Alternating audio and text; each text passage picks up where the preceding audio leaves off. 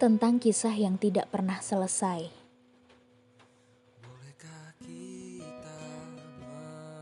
Suatu hari, aku pernah mengunci rapat pintu hatiku.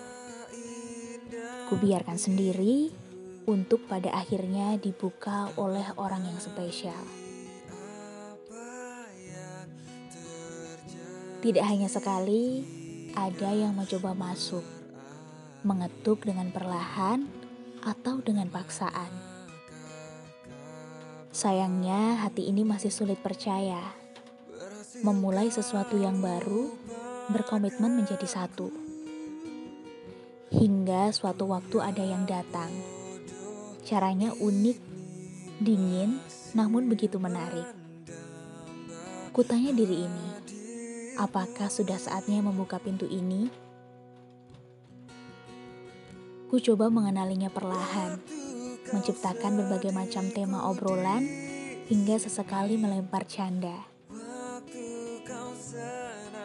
Waktu berjalan, ekspektasiku tentangnya mulai meninggi. Bayangan dan rencana masa depan mulai terfikirkan. Apakah sudah saatnya aku mempercayakan kunci hati ini? Tapi ternyata semua tidak sesuai rencana. Perlahan kita semakin menjauh, semakin hari semakin kehilangan tema percakapan. Waktu dan jarak seakan mendukung. Mereka berkolaborasi dengan apik hingga menciptakan dua insan yang sebelumnya dekat menjadi orang asing yang tak saling mengenal. Hingga aku putuskan untuk kembali menutup hati ini bersama kisah-kisah yang belum selesai. Kisah yang tidak sengaja dimulai, kisah yang tidak pernah ada kata selesai. Memang ya, apa-apa yang belum selesai akan semakin sulit dilupakan. Tapi kali ini waktu berbaik hati. Dia tidak memberikan sedikit pun waktu untuk aku terlalu mengingatnya kembali.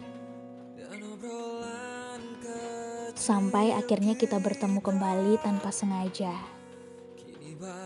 Ternyata kini dia telah berdua bersama seorang yang dipilihnya yang akan melengkapi setengah agamanya.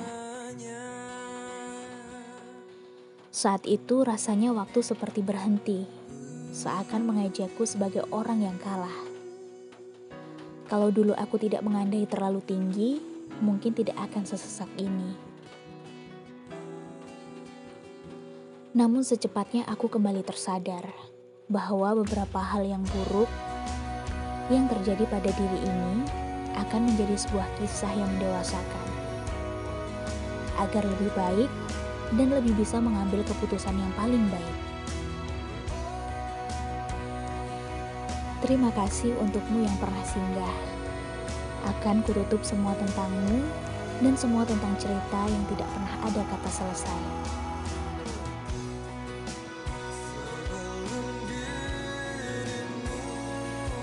Kisah ini tidak sepenuhnya pengalaman pribadi penulis.